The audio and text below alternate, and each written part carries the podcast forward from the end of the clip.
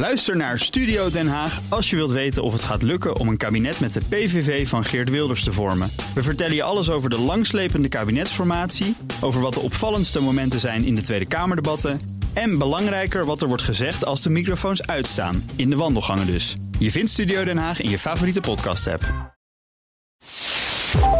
Welkom bij deel 2 van de Cryptocast. Het is nummer 254 en daarvan het podcastgedeelte 254b. In deel A hebben we het gehad over het laatste crypto-nieuws. Dat vind je als de vorige aflevering. En nu gaan we praten over onder andere de rol van accountantskantoren in de cryptowereld. Hoe leid je betalingen in crypto in goede banen en hoe audit je een cryptobedrijf? Met Lucas Wensing, directeur bij Amdax. Hallo. Als mijn co-host en Tommy van der Bos is mijn gast, directeur Blockchain and Digital Risk Solutions bij Deloitte. Ja, dankjewel. Hartelijk welkom. Voor we beginnen eerst even dit. Want toen wij vorige week vroegen om ideeën voor onderwerpen in deze podcast, of in het vervolg van, van deze serie, waren er weer een hele hoop suggesties van het type: doe eens die blockchain, geef eens aandacht aan die coin, nodig iemand uit van dat project. En de klacht was er ook weer dat we het alleen maar over Bitcoin hebben. Nou, onze sponsor Bitonic doet alleen maar in Bitcoin, omdat ze dat de enige serieus te nemen crypto vinden. De CryptoCast is iets minder streng in de leer. Maar Bitonic heeft wel een goed punt, want bijna alle altcoins verdwijnen vanzelf weer in de vergetelheid. Al sterven ze zelden echt. Maar daarom is al vijf jaar onze stelregel, niet om de sponsor, maar om journalistieke redenen. Bewijs eerst maar eens je bestaansrecht, dan kunnen we praten. Dus zo doen we dat. En luister je graag naar de Cryptocast, vergeet je dan niet te abonneren. Dan ben je elke week direct op de hoogte van de nieuwste aflevering. Goed, over tot de orde van de dag. Tommy van der Bos, ehm, de traditionele openingsvraag hier in de Cryptocast. Hoe heb jij crypto ontdekt? Ja, dat is uh, best wel een lang verhaal eigenlijk, maar dat, uh, hebben we, de we hebben even de tijd. Ja. Um, ik ben in 2008 ooit bij uh, PricewaterhouseCoopers begonnen, PwC. Ja. Dat is een tijd terug, als belastingadviseur. Okay. En ja, destijds kwam natuurlijk net Bitcoin op. En, zal 2009 zijn geweest. Ja, dus dat ja. was in de, in de bankencrisis. Uh, en ja, weet je, ik, uh, ik had een, uh, een focus op, op banken, verzekeraars. Dus ja, dat, dat komt op een gegeven moment omhoog. Daar ga je wat in, in kijken en in zoeken. En dan ja, op een gegeven moment verdwijnt weer een beetje die, die interesse. Want je denkt, oh, dit is, dit is wellicht iets tijdelijks. Dat, dat komt een keer voorbij. Ja. Um, en op een gegeven moment ehm, ja, ben ik meer de advieskant op gegaan. En, en nadenken van oké, wat is de impact op, uh, op strategie uh, in, in, in de bankenwereld bijvoorbeeld. Um, en toen kwam het onderwerp weer terug, maar ook met name de, ja, de blockchain technologie erachter. Um, en op het moment dat we dat ons afvroegen, eigenlijk in een kleiner clubje in die organisatie, bleek dat eigenlijk vrij weinig mensen daar iets van afwisten. En op dat moment ga je nadenken van, nou oké, okay, uh, we zijn een dienstverleningpartij. Wat als er mensen uh, straks hier aan de deur staan om uh, iets te vragen over blockchain, ja. over de audit van crypto's, noem maar op. ja, wat gaan Dacht we dan je daar doen? echt toen al aan? Nou, niet, niet zo specifiek zoals we het straks erover zullen hebben. Maar Nee. ja, wat nou als je een cryptobetaling hebt geaccepteerd destijds? Ja, weet je, hoe verwerk je dat in je boeken? Nou ja, daar wist niemand in de organisatie iets van af. Eh, inclusief mijzelf. Ehm, dus daar zijn we ons in gaan verdiepen. Eh, dat heeft geleid eigenlijk eh, tot, tot een soort van ja, experimenteel lab. Waarin we zeiden, nou weet je, we gaan die technologie gaan we met klanten verkennen. En kijken wat het doet. En op een gegeven moment eh, ja, toch ook wel bedacht van oké, dit, dit is serious business. En hier moeten we echt iets, dit moeten we volwassen gaan maken. Nou, ik heb vijf jaar geleden de overstap gemaakt naar Deloitte. Om dat ook echt, eh, echt op te zetten en, en ja, groot te maken. Eh, we hebben inmiddels 10 man, 10, 12 man die zich hier fulltime mee bezighouden. Ehm, ja, en dat varieert van eh, partijen helpen om te ontdekken wat voor impact blockchain kan maken. Hoe het Ja. een katalysator kan zijn. Partijen helpen om te kijken van goh, wat gebeurt er als ik crypto accepteer en wat kan ik ermee zeg maar, binnen en daarna ook buiten mijn bedrijf. Eh, maar ook nadenken voor partijen zoals eh, exchanges en brokers. eh, hoe, ja, hoe voer ik een verantwoordelijke onderneming? Ehm, en ja, hè, om, een, om alvast een bruggetje te maken. Ja, hoe zorg ik ervoor dat ik misschien ooit een keer audit ready word? Op het moment dat ik, dat ik inderdaad door een Big Four of een andere partij. Ja. En hoe zorg ik ervoor dat ik niet verrast word door ontwikkelingen in de markt? Precies. Dat, hè, en veel partijen eh, eh, kijken toch wel naar de voorkant. Hè. Joh, hoe werf ik klanten? Eh, hoe zorg ik ervoor dat ik een mooie interface heb? Eh, bied ik de juiste producten aan? Eh, heb ik een goede klantenservice? Maar ja, het, het, het midden- en, en, en het achterbedrijf is net zo belangrijk. Hè? Welke risicoanalyses maak je? Heb je je processen op orde? Eh, met wie werk je samen? Eh, Ja. Kun je die partijen vertrouwen? Nou, dat, dat is net zo cruciaal. En, en zeker in de financiële sector, waar je toch ja, eh, vaak te maken hebt met, eh, ja, met financiële tegoeden van consumenten. Die dat, die dat hard nodig hebben en die ook ja, nu in een moeilijke tijd zitten. Je hebt nu eh, PwC genoemd, waar je zat, Deloitte, waar je zit. Ehm, zijn alle grote accountantskantoren zo serieus met eh blockchain zaken bezig? Nou, je ziet wel dat eh, het is natuurlijk niet iets eh, eh, lokaals hier in Nederland. Hè. Dit, gebeurt wereldwijd. Eh, je ziet dat alle, alle partijen hiermee bezig zijn. En dat eh, ja, tegelijkertijd ook wel ja, vaak nog eh, onbegrip bestaat over de technologie. Eh, soms heb ik ook wel door, en dat is misschien ook wel eh, bij de luisteraars van deze CryptoCast. we leven toch ook wel nog in een bubbel. We zijn een, een, een beperkte groep, snapt hoe de technologie werkt. weet wat de impact van crypto is. Weet wat er, als we het over staking, lending hebben, wat dat precies betekent. Maar een hele grote groep snapt dat ook nog niet. En ja, dat is natuurlijk ook, Ook in het bedrijfsleven bedoel je? ook in het Waar bedrijfsleven. het misschien toch wel al relevant begint te worden. Eh, zeker, zeker. Ja. Het is Ehm, niet, eh, het is Lucas. met al deze aandacht en ook eh tussen partijen, en dus niet alleen Deloitte, maar gewoon die sector die zich hier nu op, eh, op richt. Het is wel duidelijk dat dit een sector is die niet weggaat. Hè? Het, eh, het De cryptosector, nee. Nee, je krijgt natuurlijk toch nog te vaak. Ehm, kom je nog berichten tegen dat mensen denken dat iets naar nul gaat. of eh, irrelevant is. of, of, of geen toekomst kent. En Ja. dat is. Tot er een einde komt aan de rage van Ja, crypto. dat is zo'n volstrekte misvatting. En eh, ja, geeft ook aan dat sommige mensen ook nog helemaal niet dit op de radar hebben. Dat is wel in lijn met wat je net zegt, eh Ja. Tommy. Dat is wel opvallend. Ja. Ja, waarbij ook vaak zaken op één hoop gegooid worden. Hè. Dat, eh, het, het sentiment rondom crypto is in de afgelopen periode ja, best wel veranderd. Eh, en negatief. Mhm, Eh, ja. Waar vervolgens eh, crypto puur wordt gezien als beleggingsmiddel in, in, in mijn optiek, zeg maar, als je het sentiment goed zou bekijken. Maar waarbij wordt gezegd, ja, beleggingsmiddel, betaling, eh, blockchain. het is allemaal een piramidespel. En ja, dat, weet je, dat is gewoon niet zo. Er is een heel sterk onderscheid tussen wat je met de technologie kan, wat je met crypto zou kunnen, en wat er nu vaak naar buiten komt, wat met crypto gebeurt. En ja, die, Ja. eh, die knip zou ik wel wat vaker eh, willen maken. Ja, en in het verlengde daarvan heb je natuurlijk dus nu de crypto-partijen die voornamelijk onder, eh, ja, onder vuur liggen. Dat is natuurlijk wereldwijd voelbaar. Je gaat ook steeds meer naar decentrale oplossingen toe, waar eigenlijk geen echte crypto-partij meer achter zit, maar wel een systeem een bepaalde functie invult. En dat wordt natuurlijk aan die auditeerbaarheid nog, nog veel lastiger. Je kan dan niet meer naar Ja. een bedrijf wijzen, maar dan moet je naar protocollen gaan wijzen. Ja, ja, hebben jullie daar al gedachten over trouwens, eh, Tommy? Als, nou, noemen ze iets wat de laatste tijd in het nieuws was Tornado Cash. Ah, Dat is een witwasautomaat die eigenlijk alleen maar bestaat uit software die op een blockchain is gevestigd, waar geen bedrijf meer aan te wijzen valt. Kijk, wat Lucas terecht zegt, hè, wat de, de, traditionele wereld van audit is, is je, hebt een partij en die bekijk je en daarvan kijk je of, of wat er gezegd wordt klopt.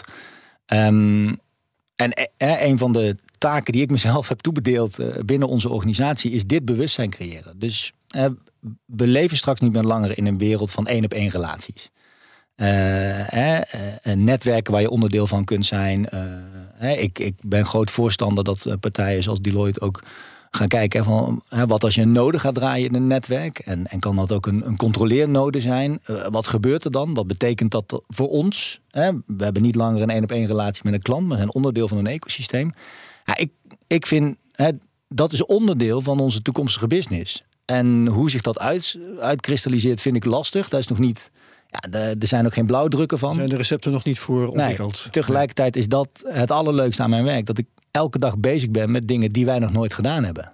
Ja, en dat is, eh, dat is heel erg gaaf. Ja, oké. Ehm, dus een, een vraag als eh, wat doen we nou met een, ik noemde Tornado Cash, maar wat doen we nou met een decentrale exchange, met een, met een Uniswap bijvoorbeeld? Eh, eh, gewoon, ja, is Ja, het ja, ja, ja. Daar, daar ben je nog niet over uit.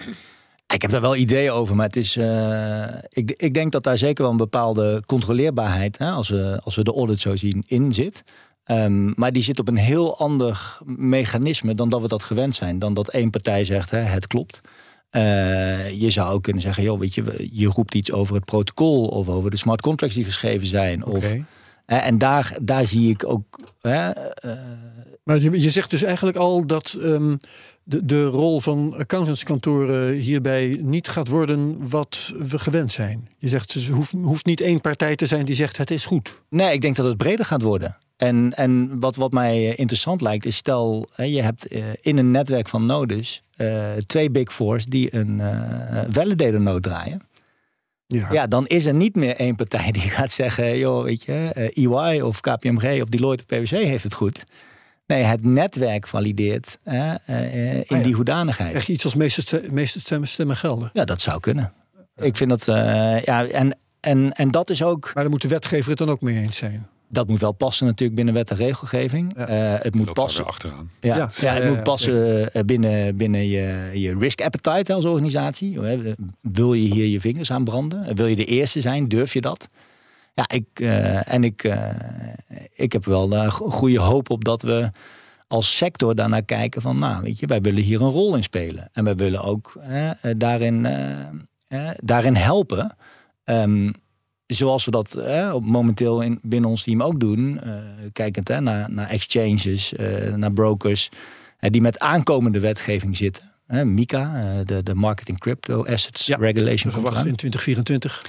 Ja, die, die, die tekst wordt nu Q1 eh, hè, eh, zo goed als definitief of definitief. Ehm, ja, daar vind ik één, daar kan je al op voor sorteren. Maar misschien belangrijker nog, daar staan zaken in die ik vind dat als je verantwoordelijk ondernemerschap wil tonen, die je misschien vanuit je eigen normen en waarden al ingeregeld zou moeten hebben. ja. Dat, dat zijn discussies die wij graag aangaan natuurlijk. Ja, ja, ja. Maar daar zit Waarom wel. zou je op die wetgeving wachten? Ja, je, Ja. Je, je wil Do the right thing. je wil een zo goed mogelijk bedrijf, lijkt mij. En dat, is, dat gaat in deze tijd, naar mijn idee, zeker niet meer alleen om zoveel mogelijk winst maken of zoveel mogelijk eh, over de rug van klanten eh, verdienen. Dat gaat erom om een zo waardevol mogelijk bedrijf te hebben. En nou, waarde zegt het al, dat zit in normen en waarden voor mij en niet in eh, geld. Ja, verantwoord ondernemerschap. Ja, zeker. Ehm, ik wil het, eh, de conversatie even een andere kant op sturen. Het is niet helemaal toevallig dat jullie hier met z'n tweeën zitten, Deloitte en Amdax. Eh, jullie werken ook samen. Ik stel de vraag maar eens even aan Lucas. op welke gebieden is dat bijvoorbeeld? Ja, we werken samen. Nou, er is natuurlijk een, het, niet zo lang geleden een hele discussie geweest over proof of reserves. Hoe je als bedrijf gaat aantonen dat wat je van je klanten zegt te hebben ook daadwerkelijk hebt. Ja, vooral voor platforms die ge- ge- geld in bewaring nemen van, eh, van eh, Ja. klanten in de vorm van crypto dan. Als je dus een custodian bent of een, of een handelshuis. Nou, wij zijn custodian, dus wij hebben, we hebben klantengoeden. En ehm, ja, klanten willen natuurlijk wel zeker weten dat we die ook echt hebben. Daar zijn allerlei maatregelen voor te nemen. En ja, onder want dat deugde niet bij FTX bijvoorbeeld hè, en bij een aantal andere. Ja, kijk, bij FTX is natuurlijk, het verhaal is daar altijd wel wat anders. Het is goed dat je het zegt, maar daar is natuurlijk gewoon echt fraude gepleegd. Hè? Door Mhm. iemand die niets ontziend eh, klantgeld heeft gestolen. Kijk, en in, in, eh, je, je kan een proof of reserve systeem gaan inbouwen, maar als iemand willens en wetens gewoon klantgelden jat, ja, eh, dat deed dat mocht toch al niet. dat mocht toch al niet. Nee. En dat gaan we er ook niet per definitie mee voorkomen. Want je Ja. kan, hè, dus eh, eh, die situatie is uitzonderlijk, ehm, wel heel vervelend. En het gaat zeker helpen als de standaarden omhoog gaan. Eh, wordt de kans natuurlijk toch gewoon een stuk kleiner. Maar ook in de traditionele financiële wereld is, is het vaak gebeurd. Ehm, maar goed, daarmee wordt de druk om dit goed te regelen natuurlijk wel groter. En dat, ehm, Ja. dat hebben wij tot nu toe ehm, gedaan door ehm, nou, als eerste maar contractueel vast te leggen dat we het één op één aanhouden. En we hebben er een aparte bewaarstichting voor. En zo neem je een aantal elementen uit het traditionele financiële stelsel over die je dan toepast op crypto. Eh, maar je kan met crypto natuurlijk iets meer. Hè. Je kan natuurlijk op de blockchain ook aantonen dat de coins eh, daadwerkelijk in bezit zijn. Dat Ja, we eh, ja. voor, voor het totaal kunnen doen of op, op individuele walletbasis. Dus, er, En dan kan een een- accountant eh, vastleggen, verklaren dat die dat inderdaad gezien heeft, bijvoorbeeld. Ja, dat is dan dus eigenlijk niet genoeg. Hè. In zo'n Mm. discussie komen we daar vrij snel achter dat, eh, ja, dat er eh, 100 bitcoin in mijn kluis liggen. Dat zegt natuurlijk niet zoveel, want hoeveel. Ehm, ja, Aan welke welke klanten schrijf je dat toe? Ja, bijvoorbeeld, maar ook welke positie staan er tegenover? Heb ik dat dan stiekem nog contractueel uitgeleend of niet? Ehm, ja, er zijn meer waarborgen die nodig zijn om die, eh, om die eh, positie eh, te kunnen onderbouwen en ook auditeerbaar te maken. En daar dus ook een controle op te geven. Dus ehm, het, in het begin was er een discussie over we moeten dat via de blockchain gaan aantonen. Ja, wij kwamen natuurlijk al vrij snel achter dat dat niet voldoende is. Ja, dan kom je toch met, eh, met de jongens van Deloitte onder andere in gesprek om hier eens eh, goed naar te kijken. En dan blijkt Ja. het dus ook echt wel lastig te zijn. Dan merk ik dat aan onze kant. We hebben meerdere plekken waar crypto's zijn opgeslagen. Eh, zeg maar warm wallets en cold wallets. Hebben te maken met stakinginfrastructuur. Hoort natuurlijk ook bij je reserves, uh, maar is weer een andere opslag bij. Je hebt ook altijd nog een, een, een handelspositie. Uh, als je natuurlijk iets koopt of verkoopt voor een klant, dan is dat even niet direct in jouw bezit. Hè, want het moet natuurlijk geswapt worden. Euro's moeten voor bitcoin en terug. Dus hoe ga je nou precies aantonen dat dat wat je zegt dat je hebt ook echt hebt? En welke timestamp neem je ja, ervoor? Ja. En, nou, het is gewoon heel lastig. Ja, wat je nu doet is problemen schetsen. Um, jullie, neem aan dat jullie, het hebben, dat jullie het dan samen hebben over oplossing. Dat je technieken ontwikkelt, administratieve regels ontwikkelt om die vraag ook te beantwoorden. Ja, zeker. En er zijn, uh, daar is, daar is een, een, hoop voor mogelijk. Maar in de kern wil je je reserves kunnen aantonen, je, je liabilities kunnen aantonen en daarmee je, je solvabiliteit uh, ja, kunnen aantonen. Dat, dat, zou je eigenlijk op een continue basis willen doen. En daarvoor moet je dus gewoon uh, drie, vier van dat soort Deloitte-jongetjes uh, in dienst nemen ongeveer. Die dan de hele tijd meekijken met hoe je, hoe je bezig bent. Nou, waarom ik die opmerking maak is omdat het op dit moment een complex proces is. Ja. De regels zijn, worden dus niet centraal gesteld. Hè. We staan onder toezicht van DNB, maar niet op dit, dit stuk. Kijk, we staan onder toezicht voor bijvoorbeeld witwassen van geld. Dat we, dat we klanten ja, dat is het toezicht dat al gereguleerd is. Ja, dus daar kan je makkelijk ja. op auditeren. En dat gebeurt ook bij ons. Hè. Dus we, we, wij controleren onze onze KYC-documenten. Ja. Maar dat zegt niet zoveel over, over dit deel. En je moet je dus een beetje zelf de regels gaan schetsen. Ja. Um, dus je moet, je moet ze eerst samen bepalen. En vervolgens moet je ze goed laten keuren door de auditeur. Die zegt, nou, die, kan ik achter staan als regelset. En vervolgens moet je ook gaan controleren of ze worden uitgevoerd. Want, um... En dus dat maakt het complex, maar ook duur. En als je dat nu doet als Nederlandse cryptoclub als enige... dan heb ik een, een behoorlijke hoeveelheid kosten. Um. Waar een concurrent uh, misschien uh, de kosten niet maakt. En dan... Maar nee, maar dat is allemaal, allemaal... Doen jullie dit met z'n tweeën of uh, is het uh, gezelschap dat zich hiermee bezighoudt breder? Nou, ik doe het niet met anderen in ieder geval. Nee, dus ik spreek hier met, uh, met Tommy over. Ja. Um, maar, maar is het dan niet, niet, is het dan niet veel kostenefficiënter om daar inderdaad een groter gezelschap voor samen te stellen? Dat, dat is het, maar Mika gaat hier natuurlijk ook wel helpen. Want daar komen de, de, de regels en voorwaarden gewoon in de wet verankerd. Waardoor je die auditeerbaarheid... Ook op het punt van proof of reserves. Nou ja, als jij je jaarrekening wil laten controleren, zou je er toch iets over moeten zeggen. Ja, zeker. Ja. ja. En, en, het gaat over, ook over consumentenbescherming. En dat is ook precies waar Proof of Reserves uh, ja. relevant voor is. Exact, ja. Dus ja. het komt er ook wel aan. Het gaat gebeuren. Maar je wil eigenlijk eerder zijn. Ja, ja, dat, de, de markt vraagt dat nu. Dus de markt loopt eigenlijk voor op wat wet- en regelgevers uh, nu uh, bepalen. Dat kan geen kwaad. Nee, zeker niet. Nee, ik, ik sluit me hier helemaal bij aan. En kijk, dit, het is vaak ook lastig uh, je zegt sectorbrede aanpak. Uh, dat zou heel mooi zijn om dat voor elkaar te krijgen. Maar het is soms ook lastig omdat je met partijen zit die qua concurrentiegevoeligheid ja, toch ook niet met elkaar alles willen delen. Uh, waardoor Juist. elke, hè, en we, we zeggen nu vaak exchange, uh, maar er zijn ook brokers. Hè, en, en daar zit ook een verschil in model in. verschillende rollen. Um, en ja, het verschil in partijen, uh, die in hoe, de mate in hoe ze hun processen in kaart brengen, hoe ze dat geregeld hebben, hoe ze riskmanagement doen. Daar zit best wel een groot verschil in, in, in de verschillende marktpartijen. En ja, weet je, dat, dat, dat is niet gek en dat zie je, zie je in alle handen sectoren. Maar daar kijk je ook als Deloitte, kijken wij daarna van ja, weet je, wij hebben een hele betrouwbare brand. Um, ja, dat merk, ja, dat is ook, uh, dat, dat willen we niet zomaar uh, ergens aan verbinden. Um, en daarbij komt dan ook de vraag: oké, is helpen wij een partij om de boel helemaal op orde te krijgen? Of tekenen we af op het eind? En ik zie persoonlijk ja. met onze uh, kennis en kunde, hè, we, we, we, begrijpen wat er nodig is om hè, uiteindelijk uh, die controle te kunnen doen. We begrijpen ook de cryptobedrijven, uh, de exchanges, de brokers, noem maar op, met, met, met de mensen die wij in het team hebben. Um, ja, ik zit liever in de positie dat we helpen om, te komen, om tot audit readiness, laat ik het zo maar even mm -hmm. noemen, te komen. Um, want dat vind ik veel belangrijker dan of die handtekening er komt of niet. Ja, je, je hebt het over uh, uh, reputatie. Hè? We hebben een bepaald merk, zeg je. Um, is dat een gevoel van, uh, ja, ik zou het heel ondiplomatiek angst kunnen noemen. Misschien moet ik uh, voorzichtigheid noemen. Dat je zegt, we willen ons niet helemaal storten in die cryptowereld. Of wil je vooral wachten tot de cryptowereld zelf zijn zaakjes op orde heeft? Of ben je duidelijk bezig daarbij te helpen om dat voor elkaar te krijgen? Eh, Dat zijn verschillende houdingen. ja, nee, zeker dat laatste. Ehm, kijk, wat ik al eerder zei, hè, het sentiment rondom crypto is, is de laatste tijd negatief.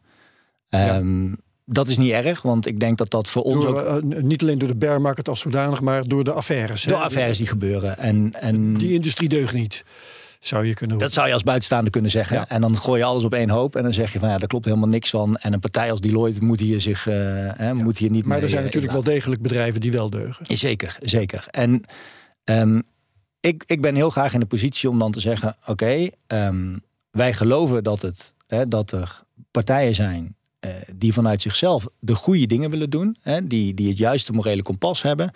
Die Mika niet zien als iets van, oh, dat komt eraan, daar moet ik straks aan voldoen. Maar hey, dat is een, een guideline voor hoe ik nu al mijn organisatie in kan richten. Nou, dan met alle liefde help ik daarbij. Ja. Ehm, En hoe meer bedrijven je daarbij helpt, die dus kunnen aantonen dat ze deugen, zeg ik maar even heel oppervlakkig en, en, en versimpeld, hoe groter de druk is op andere bedrijven om dat ook te laten doen. Ja, zeker, zeker. Ehm, en, en als team kijken wij er ook naar dat als wij met een partij werken waar wij zeggen, joh, dit is echt wel hè, wat jouw morele kompas zou moeten zijn en wat onze normen en waarden zijn rondom hè, eh, eh, zorgplicht, eh, openheid, inrichten van processen. En, en die partij zou zeggen, ja, maar weet je, dat, dat, dat is niet wat wij willen doen of dat kost te veel geld, dus dat gaan we niet doen. Ja, dan, dan ben ik eh, zeer genegen om te zeggen van, nou, dan werken we ook niet meer samen. Want, allemaal zelf uit. want daar wil ik me dan niet aan verbinden. En dat heeft niks met crypto te maken. Dat heeft te maken met dat verantwoord ondernemerschap. Ik vind dat heel erg belangrijk. Ehm, en daar zit echt wel een, ja, hè, de markt. Dit is juist een ideale markt. Niet gereguleerd om, om te laten zien wie er wel een verantwoorde ondernemer is en wie niet. Ja, wie vrijwillig zich, eh, wie zijn eigen regels stelt, om maar zo te zeggen. Precies, precies. Ja, Lucas? Ja, het, het is een. ehm, het, wat het extra com- eh, complex maakt, is dat het natuurlijk een wereldwijde, wereldwijde business is. Het, het stopt niet bij de Nederlandse grens Ja. en ook niet bij de Europese grens. Dus Met verschillende regels in verschillende landen. juist, kijk, en als wij natuurlijk een. eh, wij zijn een cryptohuis waarin we alles zelf doen. Hè? Dat is een beetje, want we willen die consument maximaal beschermen en ook maximale controle hebben. Maar ik zou, je zou natuurlijk ook een crypto broker kunnen starten waar je zegt, nou, ik handel voor mijn klanten, maar ik doe gewoon lekker alles op Binance. En Binance is helemaal niet gereguleerd. En tenminste, het is niet eens duidelijk waar nou precies eh, Binance zit. Ja. Ehm, en ehm, dan kan je als auditor, heb je natuurlijk een probleem. Dan kan je wel zeggen, nou op zich doet het bedrijf in kwestie precies wat ze zeggen. Namelijk, eh, ze, ze handelen in crypto's en dat gaat via Binance.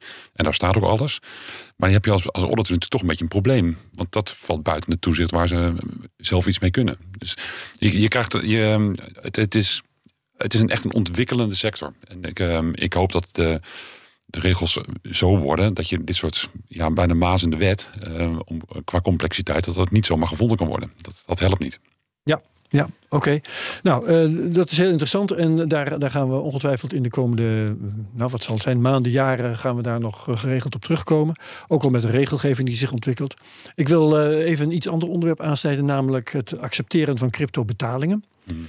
Ehm, dat zijn jullie nu ook zelf gaan doen, Tommy, met Deloitte. Ja, ja jullie klopt. hebben onlangs jullie eerste crypto-betaling geaccepteerd. Je hebt dat in het A-gedeelte van eh, deze CryptoCast heb je daar al iets over verteld.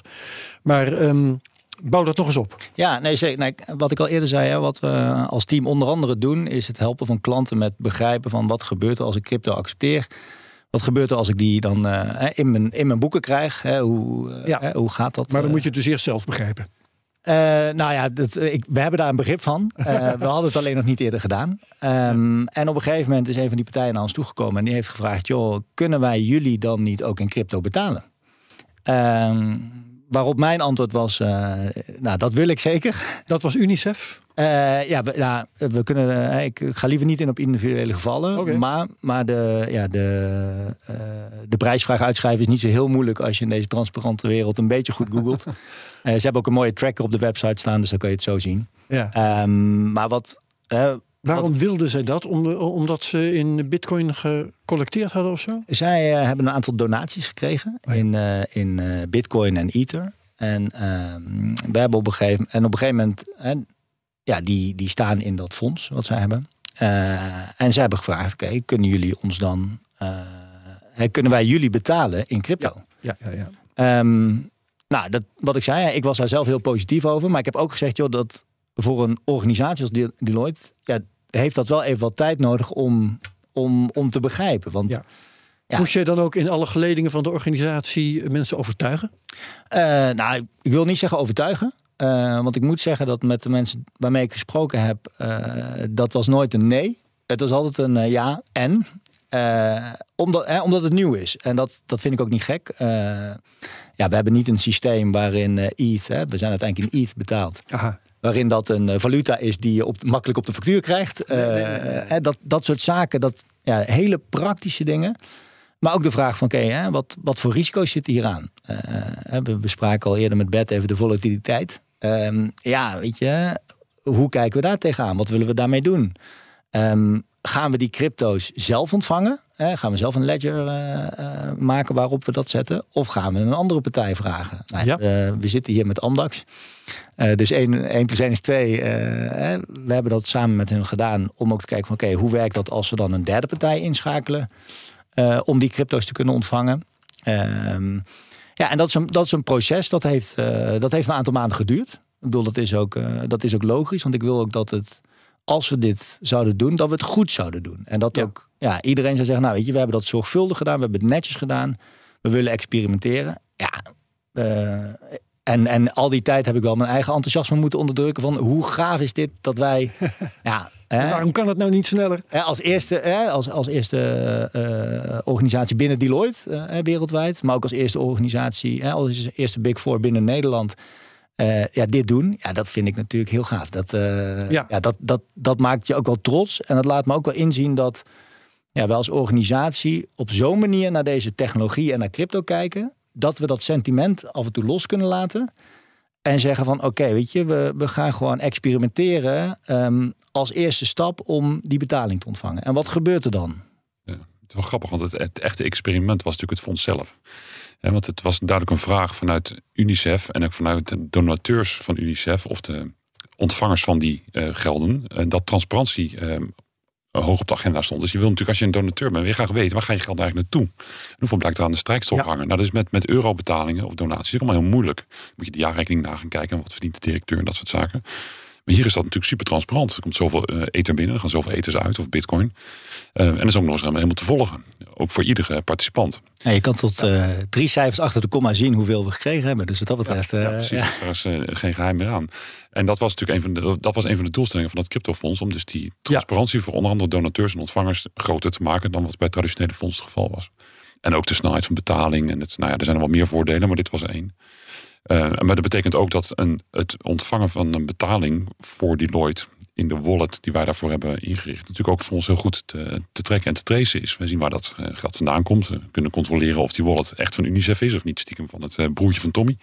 Eh, en dat hij daarmee iets aan het witwassen is.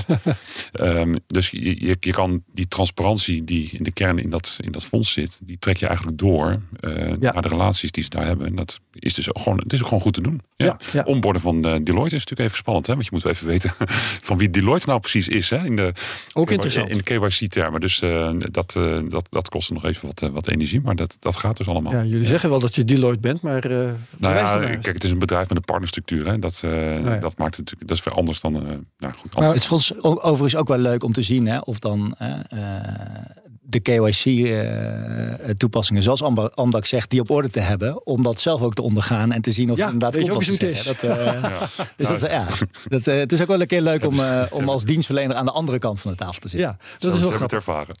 Ehm, maar eh, nou zeg je dus, het heeft wel een paar maanden geduurd, want er moest door de hele organisatie heen. Eh, nou ben ik een, eh, weet ik veel, een, een, eh, een of andere retailer en ik wil bitcoin betalingen gaan accepteren. Ehm, is het dan ook zo ingewikkeld? Of is het eenvoudiger omdat ik een kleiner bedrijf ben? Of het, is misschien eenvoudiger omdat ik geen eh, Deloitte, geen eh, wereldwijd accountantskantoor ben?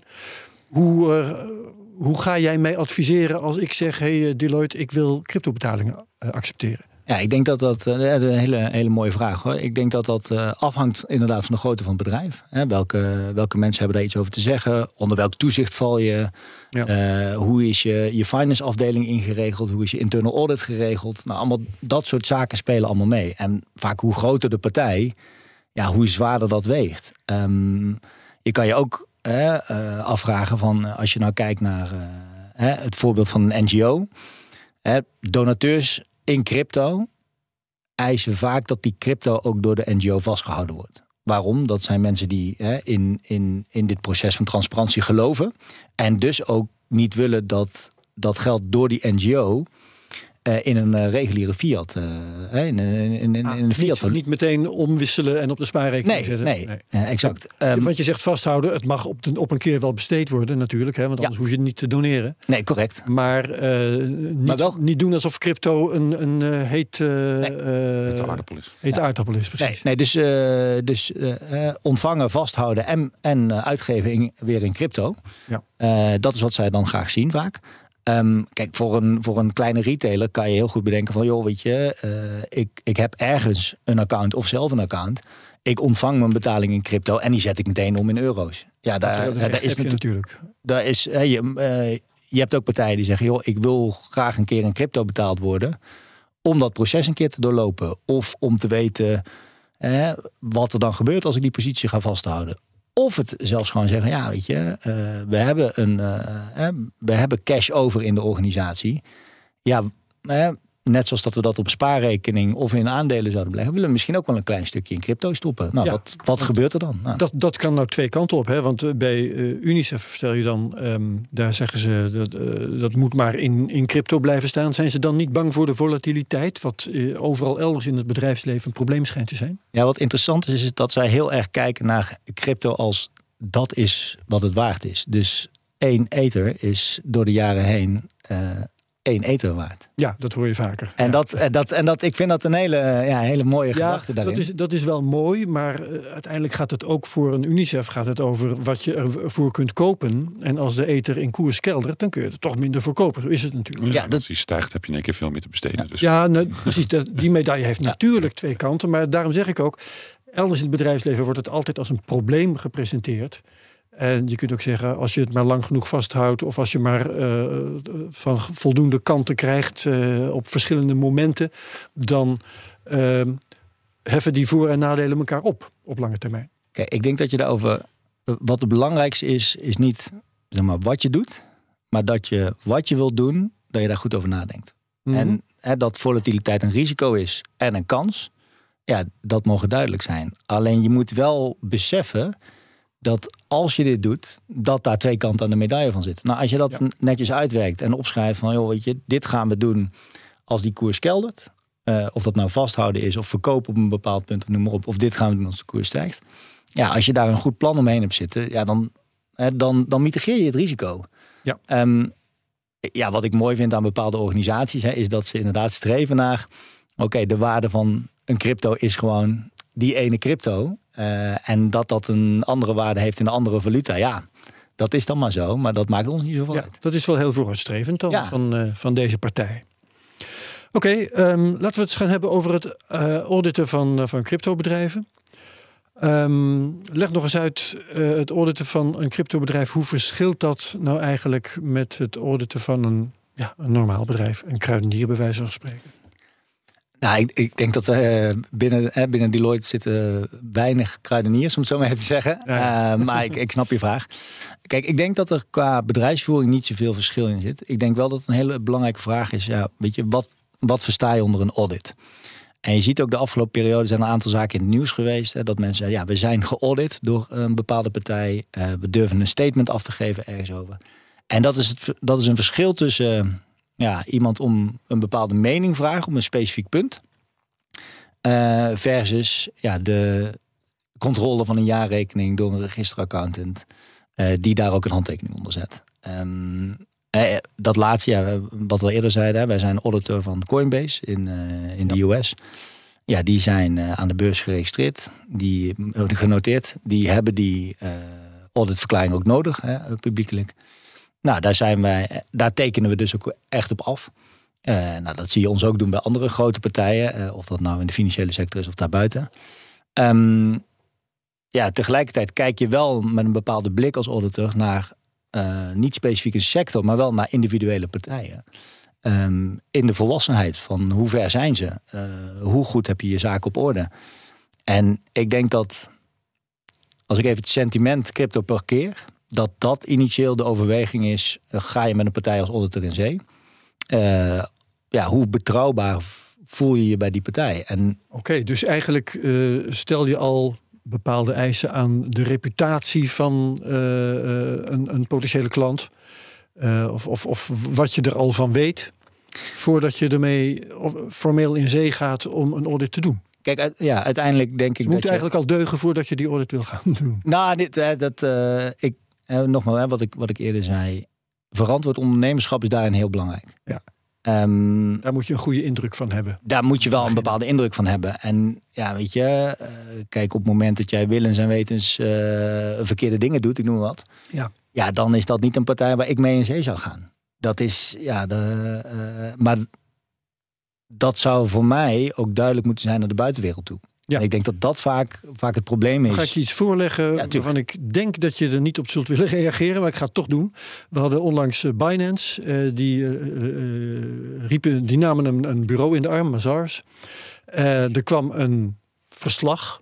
Het was dus geen registeraccountant, het was geen officiële audit, maar het was wel nou ja, een, een derde partij die een uitspraak ging doen over hoe goed Binance ervoor stond. En na een tijdje eh, heeft, heeft Mazars dat rapport ingetrokken en offline gehaald. Ehm, is dat wat er gebeurt als een eh, als, als een zo'n bureau eh, toch onder de motorkap allerlei dingen tegenkomt die niet deugen? Nou, zoals je terecht zegt, hè, ik ken de situatie niet, niet inhoudelijk in die zin, zeg maar. Ik ben daar niet bij betrokken geweest. Het is veel hearsay. Ehm, wat ik me wel kan voorstellen is dat hier ook weer eh, de vraag is van... oké, wat wordt bedoeld met audit? En de ene partij die zegt, ja, wij zijn gecontroleerd. eh, wij doen het dus allemaal goed volgens deze partij. En de andere partij zegt, nou, wacht even. Dat hebben we niet gezegd. Dat is helemaal niet wat we gezegd hebben. Ja. En, en ja, die, die discrepantie is, dat is wel heel gevaarlijk, vind ik. Want ehm, Ja. waarom wil je dit naar buiten brengen? Ja, dat is denk ik, hè, maar dit is echt, eh, dat, dat is echt een, een wild guess, is je wil een bepaalde positie, hè, een bepaald profiel kunnen innemen. Eh, door te zeggen, hey, kijk eens wat wij hebben. En klanten of investeerders, noem maar op, kom maar naar ons toe. Ja, ik, nogmaals, ik vind dat je als partij zo in de wedstrijd moet staan dat je het zelf goed geregeld wil hebben en daarmee je klanten aan wil trekken. En dat je zeker, zeker als partij in de financiële sector. Als eh um, registeraccountant bedoel je dat? nee, nee, nee, als, als als broker of exchange. klant daarvan. Ja. Hè, dat, je, dat je zegt, joh, weet je, wij willen gewoon dat onze tent op orde is. Ja. En Ja, ja, ja. Tuurlijk kan er dan wel iets misgaan. Natuurlijk kan je altijd hebben dat je ergens eh, een, eh, een, een tegenpartij failliet ziet gaan of, of wat er dan ook kan gebeuren. Maar de, de insteek voor jezelf moet zijn van, joh, weet je, ik wil een betrouwbare dienstverlener zijn in de financiële sector. Ik wil goed zorgen voor mijn klanten.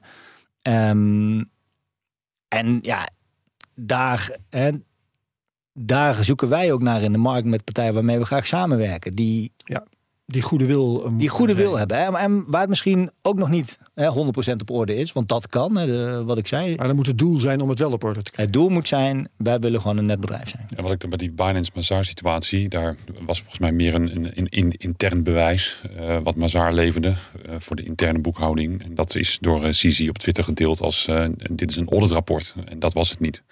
En ik geloof dat dat voor Mazar voldoende was om te zeggen van ja, nu, nu misbruik je dus de, Ja, iets ja, kleins ja, wat we gedaan hebben als een eh, volwaardige audit. En dat moet je gewoon zo niet presenteren. Dat, ik denk ook dat Sisi dat eerlijk gezegd gewoon prima wist. Eh, maar nou goed, nu wat, het heeft wel die relatie gekost. Ja, ik denk dat hij zichzelf daarmee wel een beetje in de voet schiet. Ja, want dat Ja, meer zeer dan nodig was. ja. Wordt Amdax eigenlijk geaudit? Eh, nou ja, die, nee, niet, wordt niet geaudit. Nee, nee, op dit moment niet. Nee, het is geen. die inrichting heb ik nog niet rond. Daar wordt aan gewerkt. Ja, nou goed, kijk, we moeten natuurlijk gewoon onze jaarrekening opstellen. En Mhm. eh, daar, moet, eh, daar wordt ook, eh, die wordt ook afgetekend.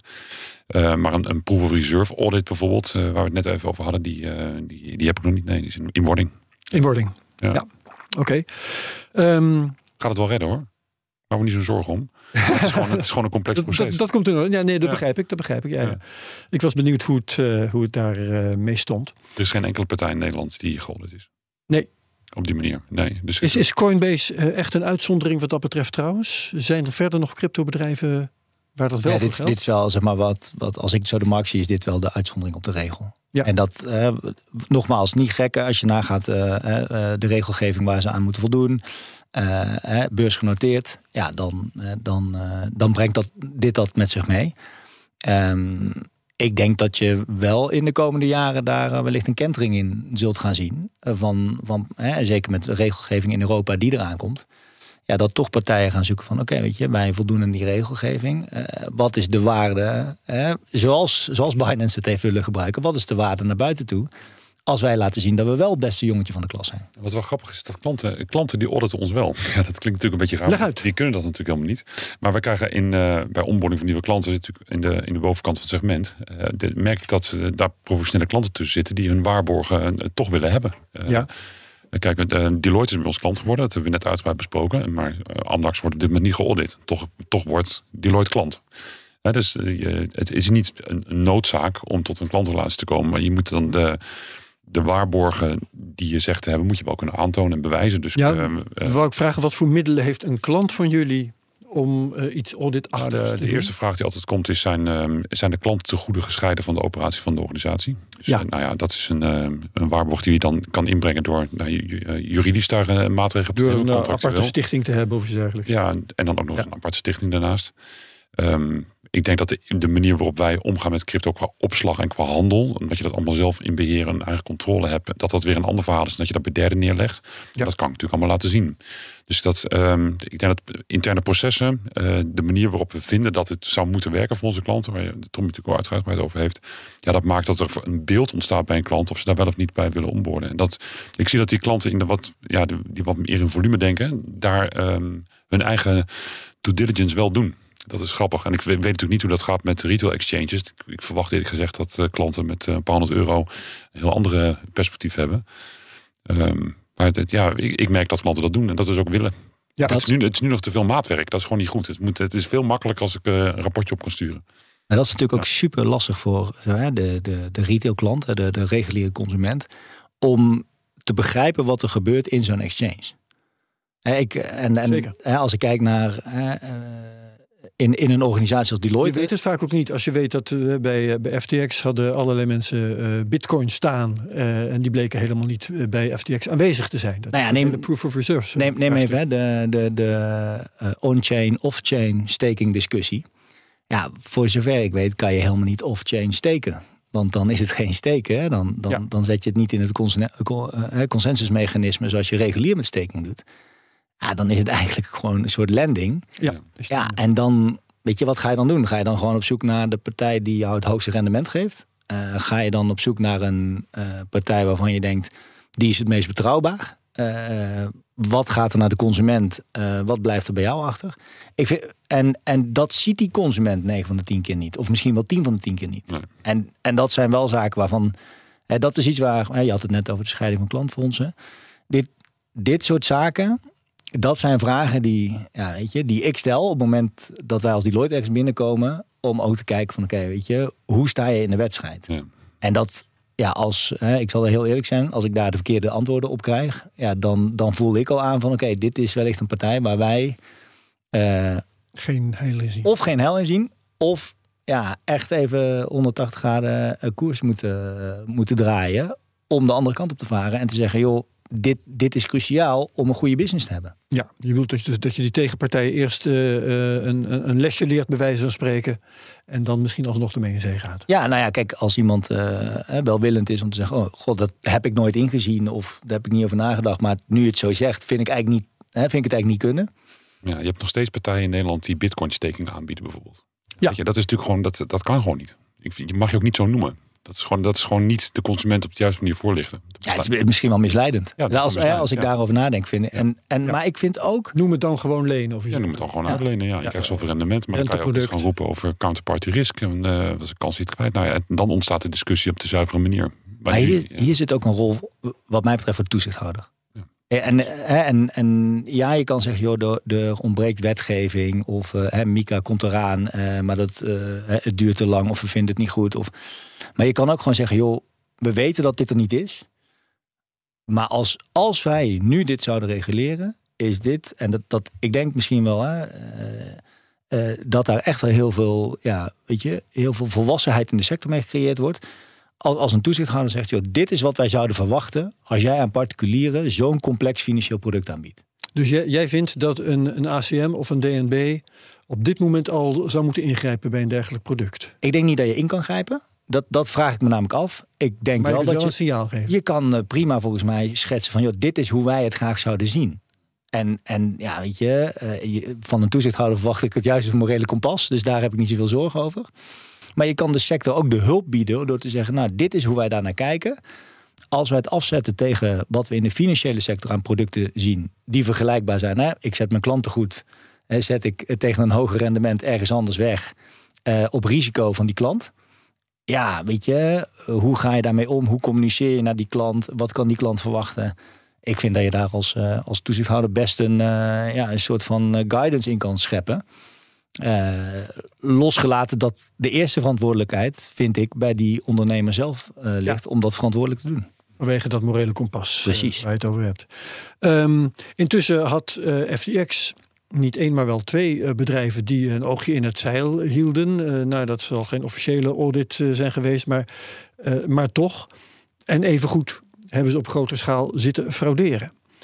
Ehm, ja, garanties biedt het dus niet. Hadden we trouwens volgens mij in, de, in het A-deel in eh, de radio-uitzending van de Cryptocast ook al over. Dat ja, je kunt wel eh, regels hebben, maar als, eh, ja, als bedrijven ervoor kiezen zich niet aan de regels te houden, dan houdt het gewoon op. Ja, ik daar raak je het juiste punt. En, en wat ik zeg, daarom denk ik dat je moet kijken naar de, de mensen in de organisatie hè, die, die leidend zijn, hè, die die organisatie sturen. Ja, daar de juiste vragen stellen, daar de juiste eh, motivatie vinden. Ja, kijk, eh frauduleus handelen, ja, dat, weet je, dat, dat is van alle tijden. Dat hebben we bij Madoff gezien, dat hebben we van alles gezien in het verleden. Het is heel moeilijk om te zeggen, ja, maar weet je, er heeft een auditor naar gekeken, dus het klopt altijd en het is altijd eh, eh, 100% Ja, het, eh, het kunnen aanbieden van eh, reguliere cryptodiensten en marketmaking activiteiten doen. Hè, dus stel je bent een exchange en je doet, zo- en je doet marketmaking. Nou, dan is in de traditionele financiële wereld is de marketmaker is niet degene die ook de exchange voert. Want je kan natuurlijk met marketmaking ook de koers beïnvloeden. Moet gescheiden zijn. Dat moet gescheiden zijn. Nou ja, Alameda en FTX waren dus een exchange en een marketmaker. Dat, die twee rollen hadden het. En die, die deed dat eh, op dezelfde... Hè, dus die, die maakten gebruik van elkaars diensten. Daar zou wet en regelgeving natuurlijk bij kunnen helpen. Want dan kom je nooit door een audit heen. Omdat je dan ziet dat die activiteiten Ja, het was dus wel gemengd zijn. En gescheiden, eh, omdat het ene bedrijf het een deed en het andere bedrijf deed het ander. Maar de bedrijven waren verweven. ja, Dezelfde personen waren daarbij betrokken. Is, is dat dan het probleem? Ja, maar ook de manier waarop de marketmaker werkte... eh, was eh, eh, ja, altijd in het voordeel van FTX. Laten we het, het daarop. Dus daar zaten wat meer eh, haken en ogen aan. Want ik me afvraag in zo'n geval, hoe kan je als, als klant, als consument, als, als persoon... Nee, dat kan je nooit zien. nee. Nee, dus daar heb je toch wel wat algemene wet en regels voor nodig. Zoals het in de traditionele financiële, financiële sector al bestaat. Dat kunnen we gewoon één op één kopiëren naar, Ja. naar crypto toe. En dan had misschien toch het probleem met FTX een stuk kleiner kunnen zijn. Ja. Buiten dat daar natuurlijk gewoon mensen eh, fraude hebben gepleegd. Wat weet je niet zomaar voorkomt. Was misschien deze fraude niet zomaar, eh, had niet zomaar plaatsgevonden omdat het dan te zichtbaar was geweest binnen de kaders. Dus je, je, moet, wel, je Ja. moet wel die regulering eh, op orde gaan krijgen. Ja. We kunnen niet alleen varen op kompassen. Nee, nee, nee, nee. Oké. Ja. Ehm, goed, Helaas. Eh, ik zit even te kijken wat we nog kunnen bespreken. Ehm, ik ga het gewoon aan jullie vragen. Hebben we nog iets besproken, niet besproken wat we wel hadden moeten bespreken? Nou, ik denk eh, wat ik zeg, joh, en, en, en dat was ook volgens mij een vraag die onder het Twitterbericht kwam. Eh, en moet je nou wachten op Mika? Eh, Ja. qua, qua timing. dat heb je eigenlijk al gezegd, dat bedrijven vrij zijn om eh, Ja, zich te gedragen naar hun morele kompas. Ja, en ik denk dat daar. eh, ik denk dat de tijd voorbij is dat je moet wachten. Eh, hè, dit, het gaat hier zoveel over. Je bent zo. Ja, het is zo. Het punt is natuurlijk dat als je je morele kompas laat gelden en je gaat eh, maatregelen nemen die eh, nou ja, geld kosten. Eh, ze kosten geld omdat je, weet ik veel, software moet imple- implementeren, mensen in dienst moet nemen, van alles en nog wat. Maar ze bezorgen je vaak ook concurrentienadeel. Ja, ze Dat betekent dat als jij het doet, dan benadeel je jezelf. Dan verminder je je marktaandeel, je vermindert je bottomline. Kijk, we hebben denk ik in, in andere sectoren hè, rondom Fairtrade en dat soort producten gezien dat reclame werd gemaakt met eh, hoera, onze prijzen gaan omhoog. Eh, want we betalen de rest van de keten meer. Ja. Ja, ik zou toch wel heel graag zien dat ook een sector die er voor de consument is, Hè, want dat is denk ik ook wel eh, hè, waar, waar het gros van de brokers en exchanges in Nederland zich op richten. Dat die zegt, joh, ja inderdaad, je betaalt eh 1% of weet ik wat meer commissie dan wat je nu betaalt. En wat een, een fractie vaak is. Ehm, maar wij zijn wel helemaal tip-top in orde. Wij hebben het beste met jou voor. En wij zijn ook transparant over wat, wat we doen. En dat is op dit moment, als ik kijk naar ja, hoe gecommuniceerd wordt met een consument, wat voor product waar die instapt, ja, dat is gewoon ja, niet oké.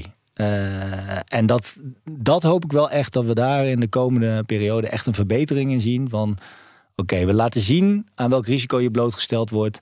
Um, hè, we willen het niet alleen juridisch dicht timmeren met algemene voorwaarden of contracten, maar we willen ook gewoon die consument beschermen. Ja. Uh, en daar hebben we gewoon een zorgplicht voor als ondernemer. En ik denk dat dat, dat is wel uh, waar ik op hoop dat in de komende periode gaat gebeuren. Ja, dat, ik herken dat wel. Klanten, waar ik net al even zei, dat klanten ons nog wel eens willen auditen op hun manier. Ik zie ook dat klanten helemaal. Het gaat nooit om geld, het gaat nooit om de prijs. Die klanten zoeken een, kwaliteit, uh, een kwaliteitsniveau waar uiteraard voor betaald moet worden. Dat is prima.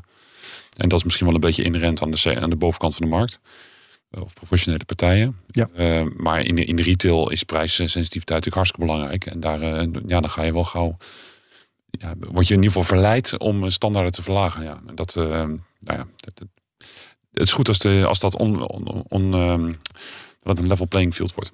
En Ja. gewoon op die manier ontstaat. Zeker. Om te beginnen nog even het morele kompas. En binnen afzienbare tijd gaat de regelgeving een hele hoop goed maken. Uh, tot, je wou iets toevoegen? Nee, nee, ik wou eigenlijk helemaal niks toevoegen. Nee, Prachtig, oké. Okay. Tot zover de CryptoCast. Dan uh, bedankt Lucas Wensing van Amdax. Bedankt ook Tommy van der Bos van Deloitte.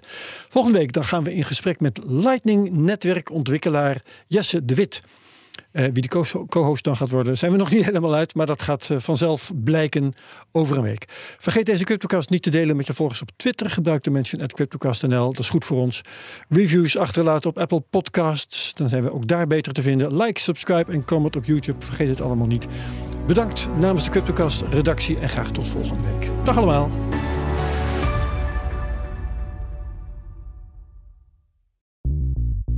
Bij BNR ben je altijd als eerste op de hoogte van het laatste nieuws. Luister dagelijks live via internet. Bas van Werven. En heel langzaam komt de zon op rond dit tijdstip. Je krijgt inzicht in de dag die komt op BNR, het Binnenhof in Nederland en de rest van de wereld. De Ochtendspits. Voor de beste start van je werkdag. Blijf scherp en mis niets.